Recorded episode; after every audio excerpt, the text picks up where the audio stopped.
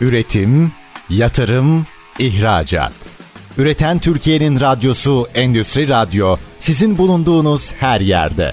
Endüstri Radyo'yu arabada, bilgisayarda ve cep telefonunuzdan her yerde dinleyebilirsiniz. Endüstri Radyo.com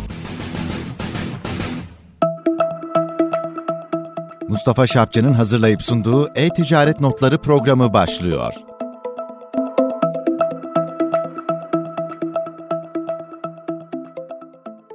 Üreten Türkiye'nin radyosu ST Endüstri Radyo'da yine beraberiz. Yine e-ticaret konuşacağız. Ticaret konuşacağız. Bilişim konuşacağız. Efendim teknoloji konuşacağız. Ben Mustafa Şapçı, konuğum Kaan Tonyukuk Fikri. Merhabalar. Merhaba Kaan Bey. Bir de üstelik Kaan çift aile değil yumuşak G ile Doğru, yazılıyor. doğru, evet. Ton Yukuk, Ton Yukuk yazıtlarından mı geliyor? Doğru. Bilge Kağan'ın Orhun yazıtlarından Evet. Veziri Toyuk'un yönettiği, yazdığı yazıtlar, abideler. Yazıklar. Böylece kendim böyle bir Orta Asya rüzgarını sizin adınızın üzerinden hissettik. Bey merhaba. Biraz tanıyalım sizi. Neler yapıyorsunuz? Bir finans geçmişiniz var sanıyorum. Merhabalar. Tekrar çok teşekkürler. Çok sevdiğim Endüstri Radyo. Ben de sonunda çıkabildim. Büyük bir keyif gerçekten Endüstri Radyo'ya gelmiş olmak. Sizin teşekkür programınız ayrıca büyük keyif. Adım Kaan Tonyukuk Fikri. 1986 Ankara doğumluyum. Önce ODTÜ'de elektrik elektronik mühendisliği okudum. Daha sonra Bilkent'te işte yönetim bilişim sistemleri üzerine eğitimime devam ettim. Aslında iş hayatıma teknokentlerde, teknoparklarda küçüklü büyüklü teknoloji şirketlerinde çalışarak başladım. Ee, Daha sonra bir IBM geçmişim oldu. Bir yıl kadar IBM'de çalıştım. Farklı startuplarda çalıştım. Daha sonrası kariyerime bankacılık tarafında devam ettim. Strateji ve kurumsal performans yönetimi tarafında birkaç yıl çalıştım. Daha sonra da bankacılık teknolojiler alanında ürün geliştirme, ARGE yönetimi, strateji geliştirme gibi farklı alanlarda bir kariyer yaptım. Ondan sonraki yaklaşık bu son 3 yıllık kariyerimi ise tamamen girişimcilik üzerine yaptım diyebiliriz. Evet, son 3 yıldır girişimcilikle uğraşıyorsunuz. Doğru. İşte burası bizim için çok önemli. Bunu konuşmamız gerekiyor. Girişimcilik nedir? Yani 3 yıldır ve e, onun öncesindeki iş tecrübelerinizde bir sentez yarattınız. Farklı bir bakış açınız var. Konuşmalarımızdan onu anladım. Girişimcilik nedir? Hemen ona bakalım bir. Yani aslında girişimcinin tanımı çok geniş. Bugün bir bakkal da açsanız, çalıştığınız kurumda bir yenilik de yapıyorsanız aslında girişimcisiniz. Aslında girişimcilikle ilgileniyorum demek belki yeterli olmadı. Startup girişimciliği, teknoloji girişimciliğiyle ilgileniyorum son 3 yıldır. Startup'ta ne demek dersek aslında bir tanım yapılmış çok da severim. Birkaç tanımı var. Hani global tek bir tanıma gitmek çok doğru ol- olmayabilir ama işte birinci kuralı repeatable olması yani tekrar edilebilir bir şey yapmış olmanız. İkinci kuralı scalable bir şey olması. Yani bu yaptığınız şeyi çok hızlı bir şekilde farklı ülkeleri, farklı coğrafyalara yayacak birden böyle inanılmaz hızlı büyümelere erişebilecek olmanız gibi aslında iki tane çok temel özellik barındırıyor. Ve biz bunun aslında teknoloji tabanlı olmasını savunuyoruz. Teknoloji deyince akla yazılım gelmesin. Donanım da olabilir. işte medikal teknolojiler olabilir. Biyomedikal olabilir. Hemen hemen aslında her konu olabilir. Sosyal girişimcilik dahi olabilir aslında. Evet, başarılı girişimci nasıl oluyor peki? Yani başarılı girişimci aslında birazcık tabiri caizse fırlama bir karakterden çıkıyor aslında. Hep böyle bir şeyleri kurcalayan, oradan farklı değerler çıkartabilen ama aynı zamanda İcat inanılm- çıkartan. İcat çıkartan. Aynen o hani başımıza icat çıkartma dediğimiz tipten bahsediyoruz aslında ama aynı zamanda e, oldukça sabırlı ve inatçı olması gerekiyor. E, çünkü e, çok hızlı sonuç almak mümkün değil aslında girişimcilikte. Kesinlikle maymun iştahlılığı kabul etmiyor. İşte bugün bununla uğraşıyorum, yarın başka bir şey uğraşıyorum kabul etmiyor. Fakat şu var yani bu tutmadı. Hadi bunu birazcık değiştirelim. Birazcık daha farklı bir versiyona gidelim. Belki o tutar şeklinde bir yaklaşım var ama sürdürülebilir ve devamlı olması gerekiyor. Kesinlikle zamanı zaman harcamak gerekiyor. Yani sizin çizdiğiniz girişimci profilinde icat çıkartan, sabırlı, kararlı ve inatçı olmak gerekiyor. Kesinlikle. Peki bunlar olmazsa ne, ne olur? E Bunlar olmazsa aslında maalesef çokça görüyoruz. Sermayenin kötü kullanıldığı, zamanın ve maddi sermayenin kötü kullanıldığı işte birçok girişim görüyoruz aslında. Hepimizin hayatında var. Bir şeyler belki hani bugünce özellikle kurumsal dünyada son birkaç yılda çok büyük trend olan hadi gideyim kendi kahve dükkanımı açayım. İşte 6 ay sonra 3 ay sonra kapatmak zorunda kaldığı, devam edemediği, iyi belki de planlamadığı için sonuç alamadığı ve hem zamanını hem de inancını kaybeden insanlar görüyoruz. E, maalesef yani kararlılık çok önemli ama belki bütün bunların ardında iyi bir analiz, iyi bir araştırmada en az bunlar kadar önemli. Peki bir girişimci finansı nasıl verimli kullanır? Şimdi aslında yine başarılı bir teknoloji girişimcisini ben belki tanımlamam lazım. Özellikle yazılım alanındaysa aslında globalde oturmuş bir yaklaşım var. Özellikle bu SaaS yani Software as a Service dediğimiz yazılımın bir platform olarak kiralandığı modellerde şöyle yapmak gerekiyor. Öncelikle yapmak bulmak gereken şey product market fit dediğimiz ürünün pazar uyumluluğunu yakalamak. Peki bunu nasıl yakalayacağız? Aa süper bir fikrim var. Kesin buna ihtiyaç vardır. Bunu alacak insanlar vardır demek yetmiyor. Global yaklaşım şu anda şöyle. Tek bir satır kod yazmadan bir web sayfası aç. Oraya yapmak istediğin ürünü anlat ve insanlara sor. Gerçekten bunu istiyorlar mı? Mümkünse bir bekleme listesi oluştur. Ve insanlar bu bekleme listesine gelsinler, kaydolsunlar. Evet bu ürün çıktığı zaman ben bunu alırım desinler. Hatta daha iyi girişimciysen onların bir kısmından para al. Hadi bana bugün şu kadar para ver 6 ay sonra ürünün gelecek diyebilmek gerekiyor. İşte böyle yaptığınız zaman aslında o bütün finansal, entelektüel sermayeyi inanılmaz verimli kullanmış oluyorsunuz. Bu sayede de ürünü aslında daha pazara çıkarmadan, ürün için bir harcama yapmadan o ürün pazar doğrulamasını nispeten yapmış oluyorsunuz. Evet şimdi buradan hemen haberini vereyim. İkinci bölümümüzde Sayın Kaan Bey ile Sosyal ticareti konuşacağız. Sosyal medya üzerinden yapılan ticareti konuşacağız. O nedenle ikinci bölümümüz bence çok önemli. E, ticaret ve es-ticaret tarafında önemli bilgiler ve verecek ve deneyimlerinden faydalanacağız kendisinin. Kaan Bey girişimcilikte yapılan hatalar hiperaktiviteyi kabul ediyor mu girişimcilik? Hızlı koşmayı, efendim hızlı hareket etmeyi. Aslında hızlı hareket etmemeyi kabul etmiyor. Hızlı hareket etmeniz, hızlıca denemeler yapmanız, denemelerden yanılmalarla geliştirme yapmanız ve bunu çok aslında seri bir şekilde yapmanız lazım. Çünkü bir yandan hem zaman hem para kaybediyorsunuz. İşte diyelim ki işinizden ayrıldınız. Zaten zaman ve para kaybediyorsunuz. Ya da başka birisinden yatırım aldınız. Siz inanıyor olabilirsiniz ama pazarda sürekli doğrulama yapmadan pazarı ve müşterinizi sürekli dinlemeden ve onlara onlardan gelen feedbacklere göre yol haritanızı sürekli güncellemezseniz aslında inanılmaz bir şekilde zaman kaybedebilirsiniz. O yüzden hani hiperaktivite diyelim hızlı davranmak şart. Olmazsa olmazlardan bir tanesi. Evet sizin gördüğünüz böyle başarılı girişimcilik hikayelerindeki önemli noktalar neler acaba? Yani en başta aslında tekrar ettiğim gibi ilk konu pazarın hazır olup olmaması. Fikir süper olabilir, takım olabilir. Belki maddi şeyler de bulabilirsiniz. Bir destekleyen de bulabilirsiniz. Ama şu anda fikir o pazar için uygun zamanda olmayabilir. İşin içinde çok çok önemli bir şans faktörü var kısmet faktörü var. Yani 5 yıl önce tutmayan bir fikir bugün doğru zamanı gelmiş olabilir. Mesela özellikle bakıyoruz işte bu mobilin gelişmesiyle bugün mobil pazarda birçok fikri hayata geçirebiliyorsunuz ama bundan önce Buna belki 10 yıl önce mobilin daha az kullanılması sebebiyle başarılı olamayacak çok iyi fikirler o zaman da belki ihtiyaçtı. Ama mobilin yaygınlığı olmaması sebebiyle o zaman tutmayacak bir fikir bugün çok rahat tutabilir. Yine işte belki bugün baktığımızda blockchain tarafındaki, metaverse tarafındaki birçok yapay zeka tarafında belki birçok nasıl parlak fikir belki henüz pazara hazır değil ama doğru zamanda doğru yerde aslında bu fikri hayata geçirebilirseniz o zaman başarılı oluyorsunuz. Evet yani karşılıklı arz talep dengesi üzerinde karşılıklı değişimlere de dikkat etmek gerekiyor. Girişimciliğin başarılı olması için. Kesinlikle. Sizin hayalinizde girişim yapmak için bir sektör var mı veya bir ürün var mı?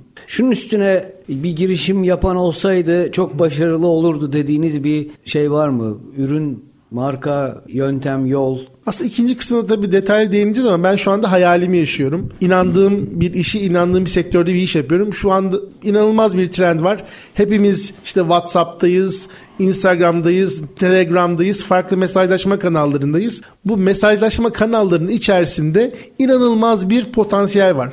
Çünkü müşteriler buradalar. İşte bugün WhatsApp 2 milyar kişi kullanıyor, Instagram 1,5 milyar kişi kullanıyor. Bu kadar müşteri bazının olduğu bir yerde inanılmaz karlı iş modelleri var. Biz de Hello Robo olarak aslında bunlar için bir ortam sağlıyoruz. İkinci bölümde bunları da detaylıca görüşürüz. Bana sorarsanız ben şu anda hayalimi yaşıyorum. Olmak istediğim yerdeyim. Peki hayalleri gerçekleştirmek yani girişimcilik ruhu nasıl bir duygu? Her gece yatağa kafanızı koyduğunuzda evet. sabah bu iş yürüdü, ben zengin oldum, ben ünlü oldum diye mi düşünüyorsunuz yoksa daha çok yolum var çok koşmam lazım mı diyorsunuz? Ya yine çok ambiyane bir tabir olacak ama benim süper bir kurumsal kariyerim oldu. Çok mutluydum işimden. Kurumumu çok seviyordum. Ama aynen çok çok ambiyane tabir şimdi geliyor kusura bakmayın. Çok mutlu bir evliliğiniz olur ama o kötü kadına meyledersiniz ya. Girişimcilik benim için tam olarak öyle. O zehri bir kere aldım ve onu yaşamazsam mutsuz öleceğimi biliyorum. Ve o işte çok güzel kariyerim, çok sevdiğim iş yerim, her şeyi bırakıp bir bilinmezliğe doğru cumburlop atlamış oldum. Ama çok mutluyum. Yani inanılmaz her gün yepyeni şeyler öğreniyorum. Şu son 3 yılıma bakıyorum. Ondan önceki 15-20 yılımı belki 3'e belki 5'e katlamış durumdayım. Bilgi ve tecrübe olarak. Herhalde bunu değişmem. Bu duyguyu, bu hazı değişmem büyük ihtimal bir adrenalin bağımlısı oluyorsunuz aslında. Ve günün sonunda tabii ki işte maddi beklentilerimiz hepimizin var ama aslında bir miras bırakmak istiyorsunuz. Ve bir şeyleri değiştirmiş olmak istiyorsunuz insanlara değmiş olmak istiyorsunuz, ticarete değmiş olmak istiyorsunuz, geride bir miras bırakmak istiyorsunuz. Eğer böyle bir fikriniz varsa, takımınız varsa, sermayeniz varsa bu üçlü çok önemli.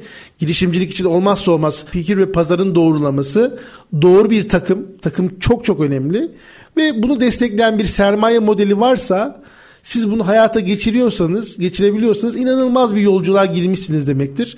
Ve bunun her anı inanılmaz keyifli. Şunu da gördüm bu deneyimlerimden. Diyelim ki bu işin sonunda başarılı olamadınız ve bu girişim e, yolculuğunu sonlandırmak zorunda kaldınız veya sonlandırma kararı aldınız. Kurumlara döndüğünüzde, büyük kurumlara döndüğünüzde artık inanılmaz tecrübeye sahip o kurumları da bulundukları noktadan çok daha farklı noktalara getirebilecek bir potansiyele sahipsiniz.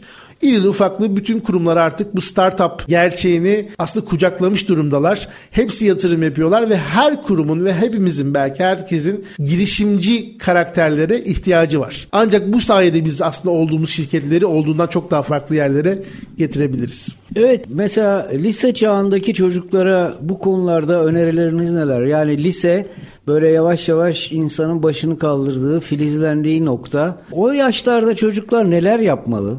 Daha önce böyle bir araştırma raporu görmüştüm. Özellikle öğrencilerdeki motivasyonlar ölçülmüş ve lise öğrencilerinin çok yüksek motivasyona sahip oldukları, üniversite öğrencilerinin onlara göre nispeten daha az motivasyona sahip olduğu gibi bir sonuç vardı o tarafta. Lise öğrencisinin inanılmaz bir aslında merakı ve hayatın daha başında olduğu için daha az öğrenilmiş çaresizliği olduğu için ve yüksek motivasyon olduğu için çok doğru bir zaman. İşte biz bu arkadaşlara aslında işletme dünyasına, biznise daha yakın olan arkadaşlara belki biraz işte girişimcilik, finans vesaire gibi temel şeyler anlatmalıyız. Çok derinlemesi konulardan bahsetmiyorum. Daha böyle teknik yeteneği olan arkadaşlara ve belki de hepsine işte yazılım, bu yazılım nasıl paraya dönüştürülür? Hatta mümkünse işte onlara böyle temel yetenekler kazandırıp bunlardan da para kazanabilecekleri bir ortam sunulursa inanılmaz başarılı olacaklarını tahmin ediyorum. Ve bu bilinçle üniversiteye başlayan bir öğrenci çok daha farklı yaklaşacaktır üniversiteye. Çünkü üniversite aslında çok güçlü bir araç. Bu aracı daha verimli kullanacaktır diye düşünüyorum. Peki efendim sizin hedefinizde neler var? Kısaca onu bir alalım. Ya şahsi hedeflerim doğrultusunda ilerliyorum aslında. Yani kendim teknoloji şirketleri son 2-3 senedir kurdum. İşte başarılı olan oldu, başarısız olan oldu. Küçük bir aslında bir başarımız var. Orada bir hisse devriyle en azından bir şeyi kapatmış oldum. Ama bugün baktığımız yerde büyüyen inanılmaz bir fikrin arkasında ilerleyen bir şirketin başındayım. E, bana da verilmiş inanılmaz aslında güzel bir rol var burada. Kendi ekibimi kurdum, kendi takımımı yönetiyorum ve çok özel bir alanda ilerliyoruz. Hepimizin aslında şeyi biliyorsunuz bu girişimci dünyasında çok konuşulan bir unicorn olma konusu var. Nadir unicorn olabilecek fikirlerden bir tanesinin içinde bulunduğumu düşünüyorum. Aslında şu anda tamamen benim başarıma, benim ve ekibimin başarısına kalmış bir yerdeyiz. Eğer istediğimiz gibi yapabilirsek, işlerimiz istediğimiz gibi ilerlerse inanılmaz yerlere gelecek bir teknoloji şirketinin başındayım. Ben hayalimi yaşıyorum şu anda. Umarım her şey de istediğim gibi devam eder. Evet, Üreten Türkiye'nin radyosu ST Endüstri Radyo'da E-Ticaret Notları programının birinci bölümünün sonuna geldik. İkinci bölümde dediğim gibi es-ticareti konuşacağız. Yani sosyal ticareti konuşacağız. Doğru mu kavram? Doğrudur. Bizden ayrılmayın efendim. Üretim, yatırım, ihracat. Üreten Türkiye'nin radyosu Endüstri Radyo sizin bulunduğunuz her yerde. Endüstri Radyo'yu arabada, bilgisayarda ve cep telefonunuzdan her yerde dinleyebilirsiniz. Endüstri Radyo.com Bugün günlerden pazartesi iklim konusu ciddi bir problem olarak karşımızda yaşıyoruz. Birebir yaşıyoruz. Bu problemin yansıması aslında bize nasıl döndü? Grip olarak döndü. Herkes şu anda bakıyorum toplu taşıma araçlarında öksürmeden dolaşan neredeyse hiç kimse yok. Çünkü ne giyeceğimizi, nasıl hareket edeceğimizi şaşırdık. İklim giderek ciddi bir problem olarak dünyanın üstüne çökmek üzere. Bakalım bu işten insanlık nasıl kurtulacak? Az önce söylediğim gibi birinci bölümde söylediğim gibi ikinci bölümde Sayın Kaan Bey ile biz sosyal ticareti konuşacağız. Sosyal ticaret aslında hem yabancı olmadığımız hem de yeni yeni damarlarımıza nüfuz eden bir e, kavram. Kaan Bey nedir bu sosyal ticaret ve nasıl yapılıyor, nasıl yapılmalı? Şimdi sosyal ticaret aslında sosyal kanalların, sosyal medya kanallarının ve işte mesajlaşma gibi kanalların üzerinden yapılan ticaretin genel ismi. E-ticaretin bir alt dalı olarak düşünebiliriz. Hatta baktığımızda inanılmaz hızla büyüyen bir alt dalı aslında. Geçen sene 780 milyar dolarlık globalde bir sosyal ticaret hacmi olmuşken bu seneyi yaklaşık 1 trilyon dolarla kapatıyoruz. 2026'da ise bunun 3 trilyon dolara varmasını tahmin ediyoruz. Varacağını tahmin ediyoruz. Şimdi sosyal ticaret niye bu kadar hızlı büyüyor? Belki onu konuşmak lazım. Öncelikli olarak nerede büyüyor? Biraz isterseniz ondan bahsedeyim. Özellikle Güneydoğu Asya'da, Endonezya, Malezya, bunun yanında Hindistan, Çin'de inanılmaz bir hızla büyüyor. Buralar tabii nüfusu çok yüksek ülkeler. Buralarda tabii e-ticaret de inanılmaz bir şekilde kullanılıyor. Aktif olarak kullanılıyor ve mobil kullanımına baktığımızda çok çok yüksek. Şimdi bizim tarafa geldiğimizde Avrupa, Amerika, Orta Doğu tarafına baktığımızda buralara buralardan dalga dalga geldiğini görüyoruz. Peki niye bu kadar aslında sosyal ticaret hızlı büyüyor ve ilgimizi çekiyor derseniz aslında bu e-ticaret deneyimi nereden baksanız bir 20 yılı biraz aşmış bir deneyim ama aslında yapay bir deneyimden bahsediyoruz burada. Bizim o on binlerce yıllık genetiğimizde yaptığımız o alışveriş deneyimine çok benzemiyor bu diyorsunuz ki şöyle bir adres var. Bu adresi sen yaz bir yere. Tıkla orada ürünler çıkacak. Oradan istediğini seç. Fakat bizim alışa geldiğimiz yöntem ne? on binlerce yıldır o genlerimize artık kazımış olan yöntem. Biz bir mağazaya gireriz. Bir satıcı vardır. Tabii ki malın kalitesi değeri çok önemlidir. Hizmet çok önemlidir ama aynı zamanda oradaki satış deneyimini de satın alırız. Ve aynı zamanda bu satıcımız bizim danıştığımız bir danışmandır. Onun fikrini alırız. Bize uygunun olanın ne olduğunu sorarız. Her zaman istediğimiz gibi sonuçlanmayabilir ama bu çok önemli bir deneyim. Biz bu deneyime alışığız. Şimdi sosyal ticaret aslında baktığınızda bunun bir yansımasını size sunuyor. Neler var çokça bildiğimiz? İşte canlı yayın satışları. Orada bildiğimiz, güvendiğimiz işte genellikle influencerların olduğu ya da markanın direkt kendisinin olduğu, yine bir danışmanın olduğu, ürünü anlattığı, sizin de aslında etkileşime geçerek ürünü satın alabildiğiniz Yine sosyal satışın çokça şeylerinden bir tanesi, büyük örneklerinden bir tanesi. Bir diğeri aslında bugün size daha çok daha derinlemesine konuşacağımız o mesajlaşma aplikasyonlarında yine bir danışmanla, bir satıcıyla, bir tezgahtarla o deneyimi yaşayabildiğiniz bir satış tipinden, bir ticaret tipinden, bir alışveriş tipinden bahsediyoruz. E, bu anlamda aslında insan yaratılışına daha uygun bir deneyimden bahsettiğimiz için burası çok hızlı büyümeye devam ediyor. Gene rakamları hatırlamak gerekirse e-ticaret dünyada %15, %16'larda büyümeye devam ederken sosyal ticaret onun içerisinde %30, %35'lerin üzerinde bir hızla büyümeye devam ediyor. Peki az önce dediğiniz bir satış deneyimi satın alıyoruz dediniz. Siz onu söylediğiniz anda benim aklıma Suna Yakın'ın bir şiiri geldi. Giydikçe açılır diyen tezgahtar, uzadıkça şekil alır diyen kuaför ve zamanla unutursun diyen arkadaş. Sosyal medyada yapılan ticaret üzerinde yapılan hatalar unutuluyor mu? Müşteri deneyimi açısından bu hatalar unutuluyor mu? Şimdi özellikle şeye baktığımız tarafta yani sosyal ticaretin Türkiye'deki tezahürüne baktığımızda Instagram tarafında inanılmaz bir ticaret olduğunu görüyoruz. Şimdi bariyerler de tabii nispeten daha az. Bir Instagram mağazası, bir Instagram sayfası açıyorsunuz. Buraya ürünlerinizin resmini koyuyorsunuz. Ürünlerinizi tedarik ediyorsunuz ve müşterilerinizle iletişime geçiyorsunuz. Müşteriler unutmuyorlar tabii. Yani bir mağazadan yaptığı alışverişteki deneyimini unutmuyor. Siz müşteriyi tabiri caizse kazıklarsanız, kandırırsanız müşteri de ona göre tepkisini koyuyor. Bir daha sizden alışveriş yapmıyor. O biliyorsunuz çok bildiğimiz o Pareto kavramı vardır. İşte satışlarının aslında sen satış hacminin, cironun %80'inin %80'ini müşterilerin %20'sini elde edersin. Tekrar eden müşteri, müşteri sadakati bu anlamda çok önemli. Siz müşterilerinizi kandırırsınız, müşterilerinize gerçek o şeyi sunmazsanız, hizmeti sunmazsanız müşteri de bunun karşılığını hızlıca aslında verecektir. Önemli noktalardan bir tanesi işte bu müşterinin kandırılması vesaire konuları. E bunun yanında müşteri aslında çok ilginç bir şekilde yine baktığımızda müşteriler markaların satın alma yaptıkları, işte ticaret yaptıkları şirketlerin bu mecralarda olmalarını bekliyorlar. Ve aynı arkadaşlarıyla yazışır gibi siz onları yazdığınız anda size dönmelerini, size cevap vermelerini, ürünle ilgili bilgi vermelerini, işte ürün sonrası, satış sonrası destekle ilgili destek olmalarını, bilgi vermelerini bekliyorlar. O yüzden şey çok önemli. Yani burada müşteriye karşı hızlı cevap verebiliyor olmak, İngilizce tabiri responsive olmak gerçekten değerli. Şu sizin üzerinde çalıştığınız proje, yeni adım attığınız projeye daha doğrusu biz projeyi biliyoruz ama yeni sizle beraber filizlenmeye başladı. Hızla hareket ediyor. Bu projeyi biraz daha böyle kapsamlı bir şekilde anlatır mısınız? Tabii.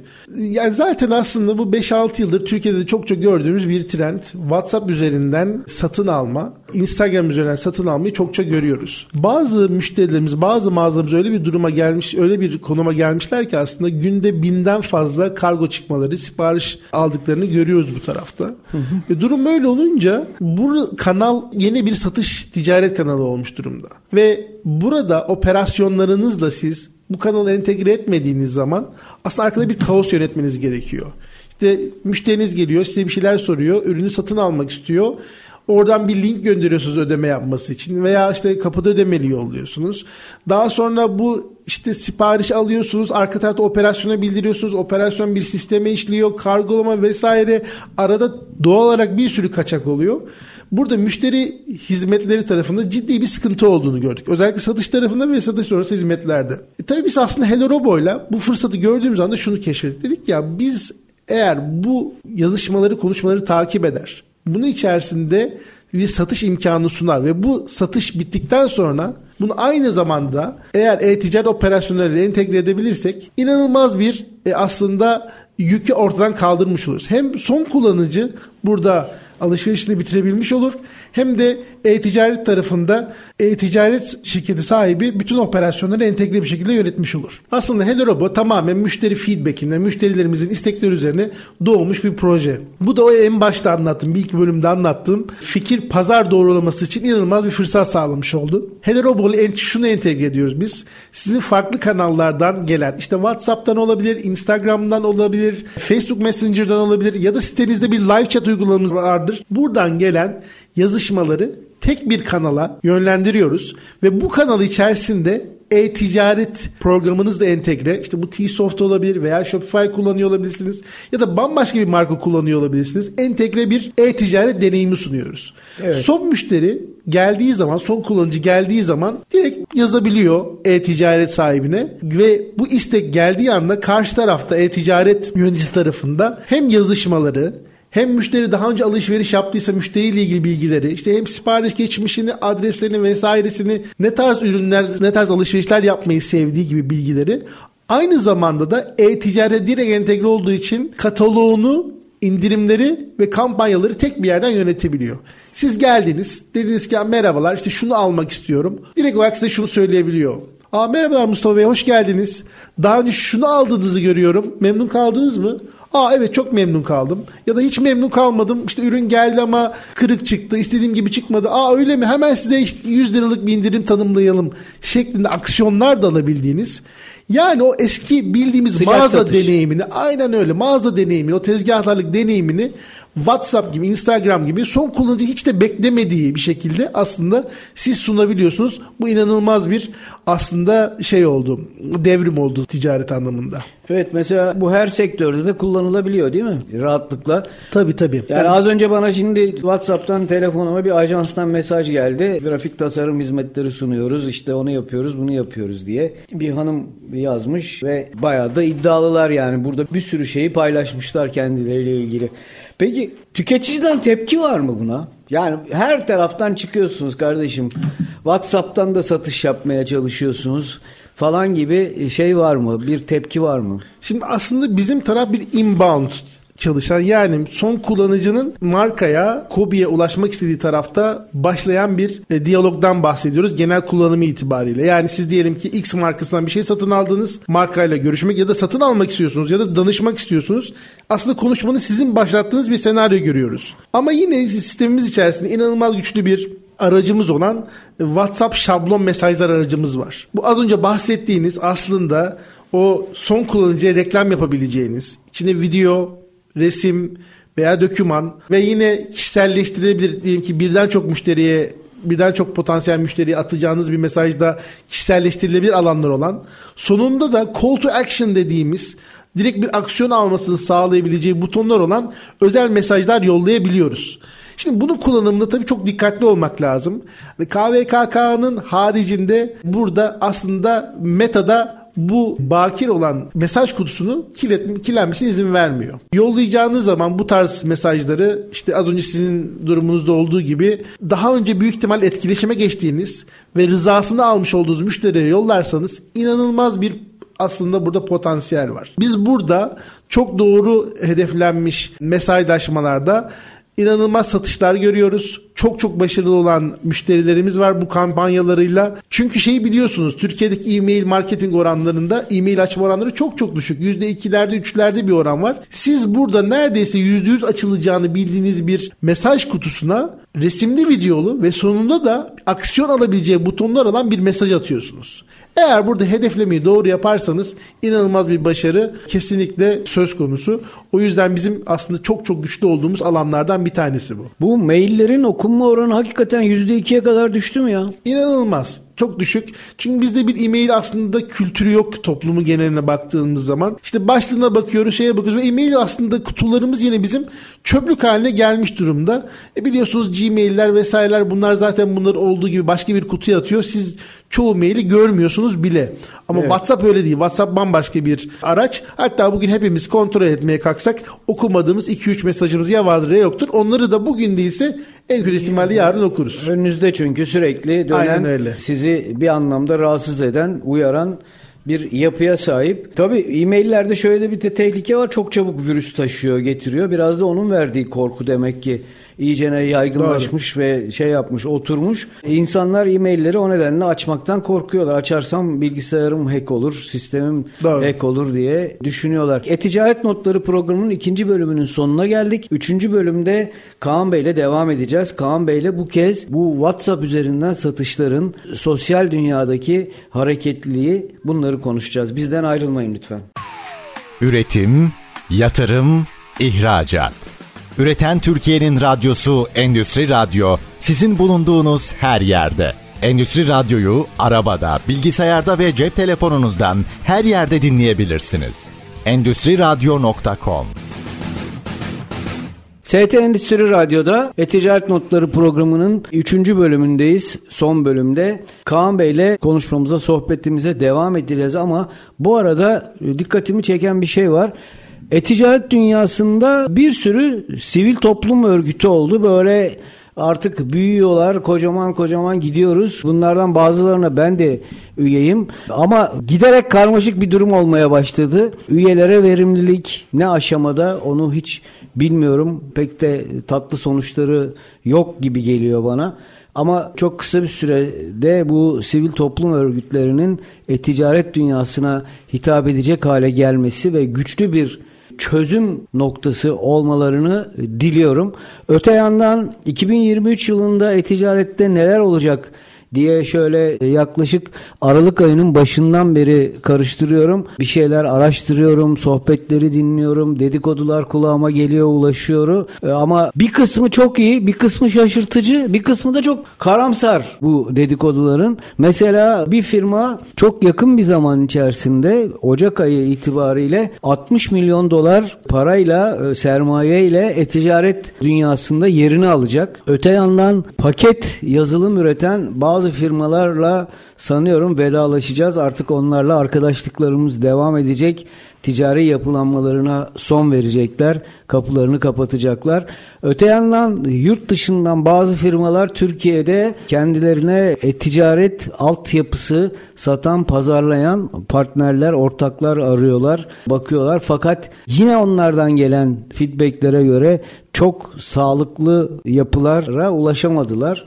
Bu böyle gidiyor. Etkinlikler hızla devam ediyor. Şey üzerinde LinkedIn üzerinde veya işte mail üzerinde, sosyal medya üzerinde bunları hep görüyoruz. Bu arada Sayın Cenk Çiğdemli'nin geçtiğimiz hafta piyasaya e, sürdüğü online e-ticaret e, kitabı çok güzel bir kitap, çok güzel bir çalışma. Kendilerini tebrik ederiz. E-ticarete yeni başlayanlara ve e-ticaret yapanlara ciddi bir kaynak olacak şekilde Cenk Çiğdemli'nin adını taradığınız zaman karşısında bir marka çıkacak. O markaya dan onun sayfalarından indirebilirsiniz. Biz burada marka söyleyemiyoruz maalesef ki.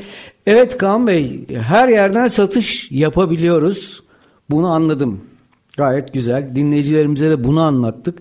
Şimdi ben buradan çıktıktan sonra WhatsApp üzerinden satış yapmak istersem ne yapmam gerekiyor? Aslında bizim sunduğumuz şey şu. Siz halihazır bir e-ticaret operasyonu yönetiyorsanız ve sosyal kanalları da bugün belki kullanmıyor olabilirsiniz ama sosyal kanalları da hem müşteri hizmetleri hem de satış için kullanmak isterseniz HelloRobo size inanılmaz bir partner. Bir e-ticaret operasyonu yönetiyorsunuz. Bizim çokça aslında gördüğümüz uygulamalardan bir tanesi müşteri hizmetleri yönetmek için genellikle aslında müşterilerimiz bu şekilde başlıyorlar. Bir WhatsApp kulakçığı koyuyorlar sitelerine ve müşteriler artık WhatsApp üzerinden yazabilir hale geliyorlar. Bizim HelloRobo aslında özeline baktığımızda işte bir bilinen e-ticaret altyapısı kullanıyorsanız ya tamamen entegre bir şekilde bütün operasyonlarınızla entegre bir şekilde işte T-Soft ve Shopify'da böyle bir hizmet sunuyoruz. Ya da başka bir aslında e-ticaret altyapısı kullanıyorsanız yine XML'inizi entegre ettiğiniz ve o işte bütün kataloğu çektiğimiz son kullanıcıda da aslında o yine WhatsApp içerisinde e-ticaret deneyimini sunabildiğimiz bir platform veriyoruz size. Yine müşterilerimizde gördüğümüz birkaç kullanım tipi var. Ağırlıklı olarak son kullanıcılar aslında satış sonrası hizmetler için buraya geliyorlar. Kargom nerede? Ürünüm gelmedi. iade etmek istiyorum. iptal etmek istiyorum. Sıkça sorulan soruları var. Onlara cevaplar istiyorlar. Bir diğer tarafta da yine HelloRob'un işte en güçlü özelliği olan müşterilerimizde en çok gördüğümüz bir resim atıyor. Mesela arkadaşın üzerinde bir ceket görmüş, bir gömlek görmüş. Markayı da biliyor. Markaya resmini atıyor. Aman diyor ben kaybolmayayım senin hı. Şu ürünü hemen almak istiyorum. Stone'da var mı? Bulamayabilirim, rengini tutturamayabilirim. Aa evet, merhaba efendim hoş geldiniz. Tabii hemen size hiç WhatsApp'tan çıkmadan WhatsApp içerisinde ürünü alıp sepetinize ekleyip ödeme dahil WhatsApp'ın içerisinde sonuçlandırabiliyorsunuz. Tabii bu inanılmaz bir deneyim ve bunu tamamen çok inanılmaz görsellerle yapıyoruz. Ürün size gidiyor, resmini görüyorsunuz, farklı resimlerini görüyorsunuz. İsterseniz web sayfası linkinden ürüne detaylıca bakabiliyorsunuz. Ürün almak istiyorum diyorsunuz, butonlar var, sepetinize ekliyorsunuz. O inanılmaz deneyimi biz size WhatsApp'ta sunuyoruz ve üçüncü bir tarafa da göndermiyoruz. Şimdi böyle olunca müşteri de orada Amerikalıların tabiriyle wow oluyor. Gerçekten inanılmaz bir deneyim ve ben burada bunu bitirebildim inanamıyoruz şeklinde biz birçok aslında müşterimizden feedback aldık. Müşterinin tekrar tekrar bu kanalı daha sonra kullandığını görüyoruz. Biz içimizde bu tarz kullanıma sürtünme giderici, sürtünmeyi kaldırmak isteyen müşteri dedik. Bir başka kullanım ise daha önceki bölümde uzun uzun anlattığımız aslında satıcının bir danışman olduğu bir uzman olduğu ve müşterinin de bu uzman görüşüne başvurmak istediği senaryo. Arı ürünleri satan bir müşterimiz var. Son kullanıcısı, son müşterisi geliyor. O kendi müşterisi geliyor. Diyor ki ya 3 yaşında bir oğlum var. Arı sütü kullanmak istiyorum. Zararı olur mu? Sitesinde her şey yazıyor olabilir ama yine de o uzman görüşüne başvurmak onu inanılmaz bir şekilde mutlu ediyor. Yine çok çok rastladığımız hobi özellikle bu outdoor hobi dediğimiz outdoor hobilerle ilgili ürünler satan bir müşterimizde işte ben dağ bisikletçiliğine başlamak istiyorum. Şu kadar bütçem var ne önerirsiniz? Aa buyurun efendim şu şu şu bisikletler.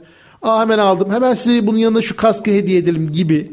Aslında yine o satış deneyimini, o mağaza deneyimini burada sunan. Bir başka senaryoda kuyumculuk alanında müşterilerimiz var. İşte evliliğimizin 10. yıl dönümü şu kadar bütçem var çok da anlamıyorum neler trend bilmiyorum eşimi bir sürpriz yapmak istiyorum dediğiniz yerde yine o işte o uzman deneyimine başvurduğunuz senaryoları çok görüyoruz ve alışverişi burada başlayıp burada bitirdiğiniz için siz 3. sayfaları atıp işte işlemin sonuçlanıp sonuçlanmadığını emin olamadığınız değil, işlemin sonuçlandığından da bir satıcı olarak emin olduğunuz, ödemeyi de aldığınız, hep deriz ya satışta satış ne zaman biter? Ödemeyi aldığınız zaman biter. Ödemeyi de aldığınız o deneyimi çift taraflı olarak yaşamış oluyorsunuz. İnanılmaz bir deneyim aslında bu. Peki hemen şunu soracağım. Rakibiniz var mı Türkiye'de? Türkiye'de var birkaç rakibimiz ama daha kurumsal tarafta onların aslında aktif olduğunu görüyoruz.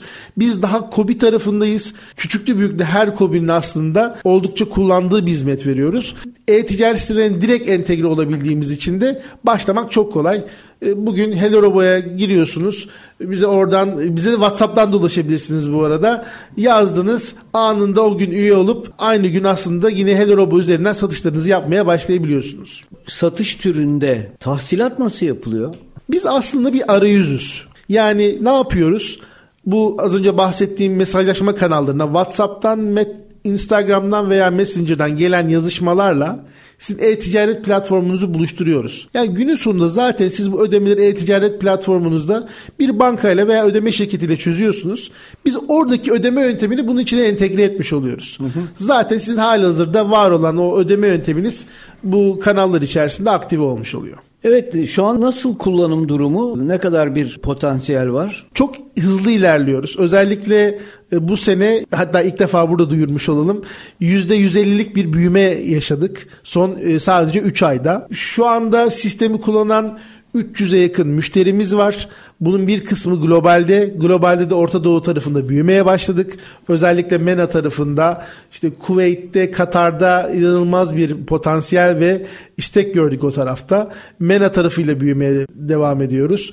E, Türkiye Cumhuriyetlere açılmaya MENA başlayacağız. MENA derken Afrika'dan bahsediyoruz. MENA çok haklısınız. Kuzey MENA aslında Middle East and North Africa dediğimiz Orta Doğu ve Kuzey Afrika'yı içeren işte e, Mısır, Cezayir, Libya diyebileceğimiz Kuzey Afrika'nın yanında işte Dubai, Katar, Suudi Arabistan gibi Gulf countries, Haliç ülkeleri dediğimiz kesimi de içeren bir coğrafyaya şu anda açılmış durumdayız. Oradan 500'ün üzerinde e, müşteriyle görüştük. E, bunları yavaş yavaş sisteme onboard ediyoruz. Peki e, müşteri tarafında bu işe inanç ne kadar? Yani projeye inanıyorlar mı? Şimdi zaten müşterini hali hazırda bir müşteri ilişkileri yönetimi yapabilmesi için bu kanalları profesyonel bir şekilde yönetmesi gerekiyor. Aslında ilk müşterilerin müşterilerin bize giriş amacı ya şöyle oluyor. Biz buradan bir sürü e, istek alıyoruz. Bunlara nasıl cevap verebiliriz? Evet biz size bunu sağlıyoruz. Ama aynı zamanda biz size bunu satış kanal olarak konumlandırıyoruz dediğimiz zaman inanamıyorlar. Bazı müşteriler inanılmaz aslında buna böyle bir beklenti içerisine geliyorlar. Baktığımızda çağrı merkezlerini oluşturmuş durumdalar. Hello Robo'yu bizden daha profesyonel kullanıyorlar. Çok sevdiğimiz bir müşterimiz 15'ten fazla operatörüyle sürekli satış yapıyor. İşte bir müşteri geliyor, resmi gönderiyor, çıt çıt çıt satışı orada bitiriyor. Biz bile aslında programı onlar kadar iyi kullanamıyoruz. E, baktığınızda satış amaçlı gelmeseler bile buradaki satış potansiyeli gördüklerine inanamıyorlar. Çünkü biz onlara web siteleri mobilden sonra yeni bir kanal sunmuş oluyoruz. Yine böyle hızlıca bir içimizden birkaç rakam paylaşmam gerekirse evet. son 6 ayda 20 müşterimiz özelinde baktık. Yaklaşık olarak 15 milyon TL'lik bir hacim olmuş durumda içeride. Bu da aslında yepyeni bir onlara satış kanalı sunduğumuzun şey oluyor. Doğrulaması oluyor. Doğrulaması oluyor. Peki hedef ne? Nereye doğru gideceğiz? Hedefimiz çok büyük. Önümüzdeki e, Haziran ayına kadar 15 bin müşteri edinme hedefimiz var.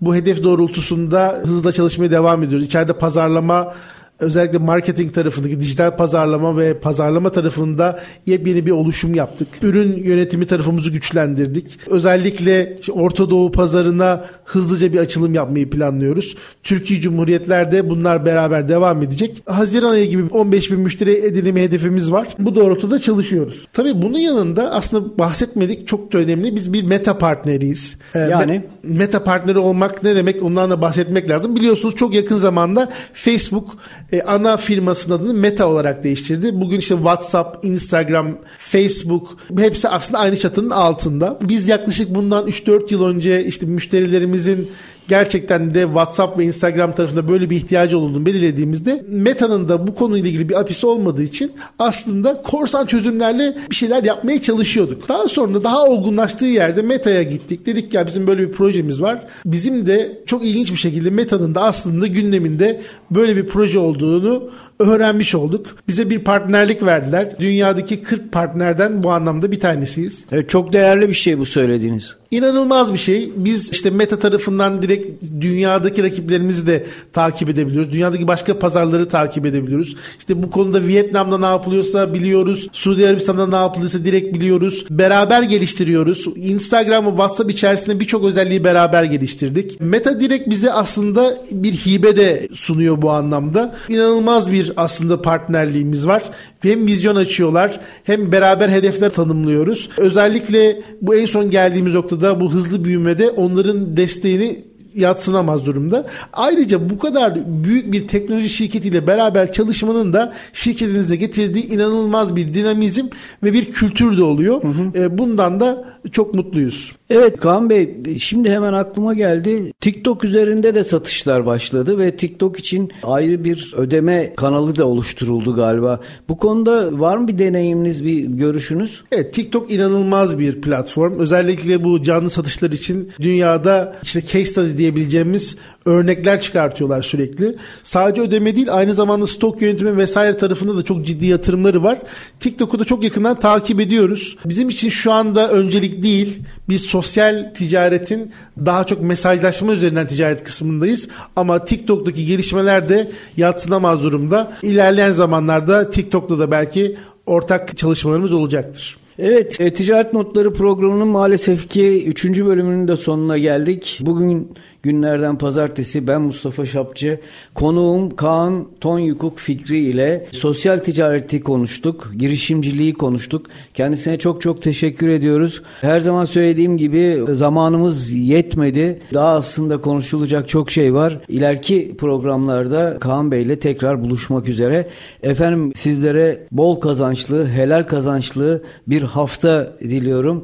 İnşallah 2023 bizler için iyi şeyler vaat edecek ve iyi günler, güzel günler göreceğiz. Kaan Bey tekrar görüşmek üzere teşekkür ederim. Çok teşekkür ederim. Çok keyifli bir programdı. Ağzınıza sağlık.